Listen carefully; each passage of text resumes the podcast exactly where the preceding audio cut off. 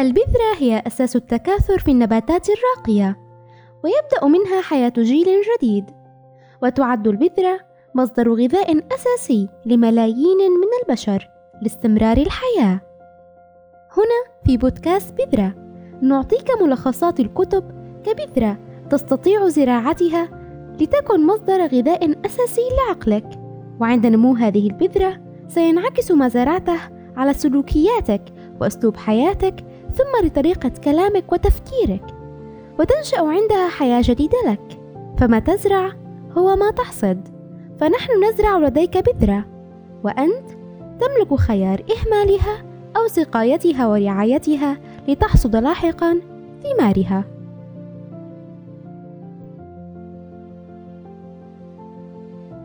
كتاب اليوم هو موت فارغا لتود هنري. يود مؤلف هذا الكتاب في تعليم القارئ كيفية إخراج أفضل ما لديه من طموحات وأهداف وإسهامات إلى العالم بطريقة عملية واقعية غير خيالية أو سحرية مختلفة تماما عن أي كتاب تنمية ذاتية آخر. آخذا باعتباره أنك لست آلة يستطيع تنفيذ روتين شخص آخر وإنما أنت شخص لديه حياته ووقته الذي ربما ليس ملكه دائما ولكن يستطيع اقتناص ساعات من يومه لتحقيق أحلامه. يبدأ الكاتب بطرح قصة عن مهندسة معمارية قامت بوضع لوحة بيضاء فارغة تمتد من حائط طويل قرب منزل مهجور وكتبت فيها الآتي. قبل أن أموت أريد أن وتركت مساحة فارغة لجعل أشخاص آخرين يقوموا هم بملئها. وعندما عادت وجدت أن أهل الحي والمارة قد كتبوا عليها آمالهم وطموحاتهم.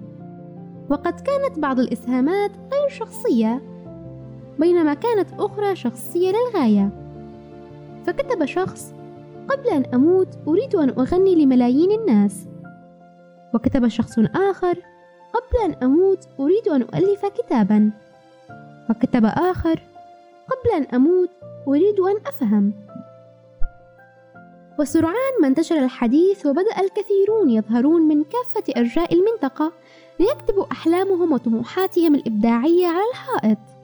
ولم يمض وقت طويل قبل أن يطلب آخرون تدشين سبورات أخرى في أحيائهم السكنية. وفي الوقت الحالي يوجد أكثر من مئة نصب بعنوان قبل أن أموت في مدن في شتى أنحاء العالم. وطورت المهندسة والمجموعة المتعاونة معها حقيبة أدوات فيها تعاليم تفصيلية لنشر هذه الحركة الاجتماعية. لكن لماذا لم يصعد نجم مشروع هذه المهندسة سريعا ويحظى بتغطية واسعة من وسائل الإعلام العالمية؟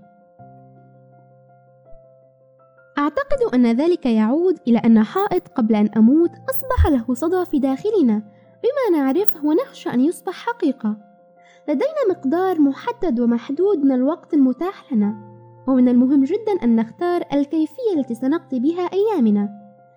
إننا نعي أيضا أن هناك أشياء نود أن نفعلها وتجارب نرغب في خوضها قبل الوفاة وكثير منها رغبات كبحناها أشهرا أو حتى سنوات.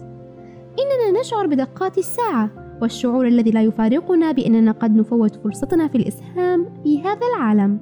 مع ذلك عادة ما نتجاهل هذه الدوافع نتيجة للوتيرة العملية السريعة للحياة والعمل.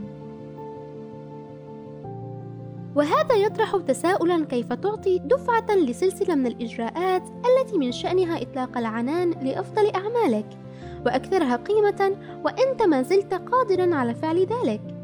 إن المكتبات تعج بكتب مكررة عادة ما تكون بسيطة وغير مجدية عن كيفية جعل الحياة تستحق العيش وكيف تصل إلى وظيفة أحلامك واكتشاف هدفك من الحياة لكن حينما تكون في معترك الحياة تجد أنه لا طائل من التفكير في أي شيء سوى إنجاز أعمالك قبل موعدها النهائي فمن السهل أن تستيقظ لاحقا بعد عدة سنوات في أرض غريبة وأنت تسأل نفسك من أنا؟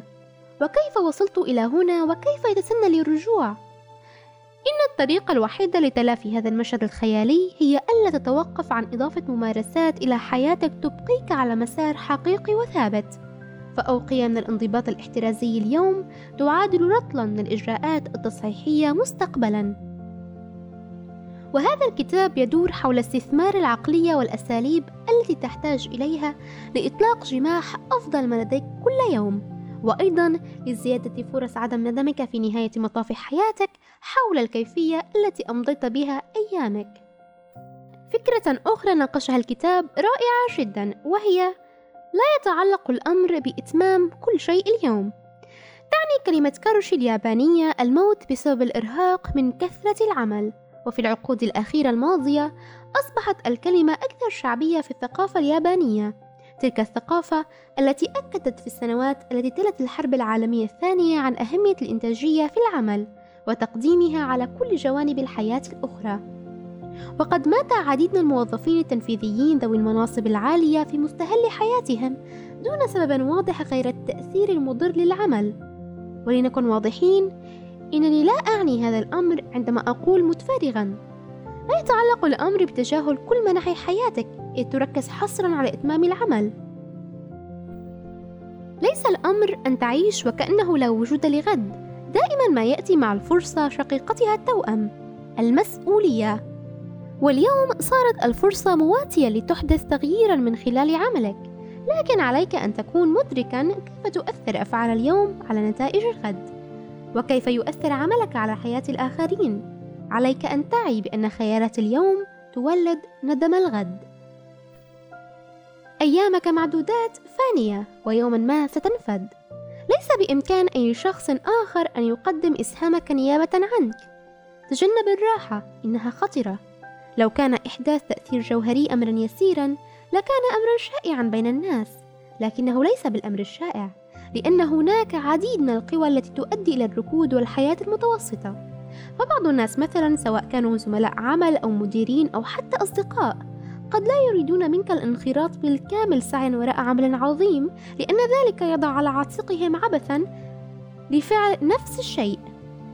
فإذا ما بدأت بالارتقاء فوق هذه الزمرة سرعان ما سيحاولون إعادتك إلى الأرض. كما أن المؤسسات عادة تسهل عليك أن تستقر وتوفر لك الراتب الجيد واللقب الوظيفي اللطيف أو نوع من الاستقرار أو يمكن القول أصفادا من ذهب. السهل أن تقع في غرام هذه المزايا المريحة لكن حب الراحة هو عدو العظمة. فلا يوجد شيء خطأ في تجربة الراحة كمحصلة ثانوية لعملك لكن لا يمكنك أن تجعلها الهدف الرئيسي. فالعظمة تبزغ إذا ما اخترت على الدوام أن تقدم على الأمر الصحيح حتى وإن كان غير مريح. كلمة أخيرة للاحتراس. لا يحتوي هذا الكتاب على حلول سريعة أو أساليب كالحقنة في الوريد مصممة لتجعلك ترى الجانب المشرق في الحياة. كونك اخترت بكل تأكيد كتابا عنوانه متفارغا فأشك في أنك لم تكن في انتظار حلويات ملونة. ورغم أنني أعتبر التوقع الإيجابي مهما للحفاظ على وسيلة التقدم إلا أن الوعود الكاذبة لا تخدع أحدا. ليس هنالك نعيم سهل المنال. إن تكلفة التراخي كبيرة للغاية.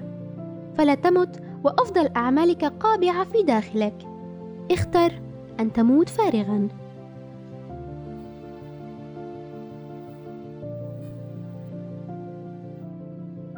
بالمناسبة لقد قرأت لكم المقدمة الخاصة بالكتاب واختصرتها لكم في الأفكار التي ذكرت اليوم في الحلقة. أي ما يعادل 20 صفحة. إذا ليس هناك ما يوقفك لتبدأ قراءة هذا الكتاب فأنت بدأته بالفعل.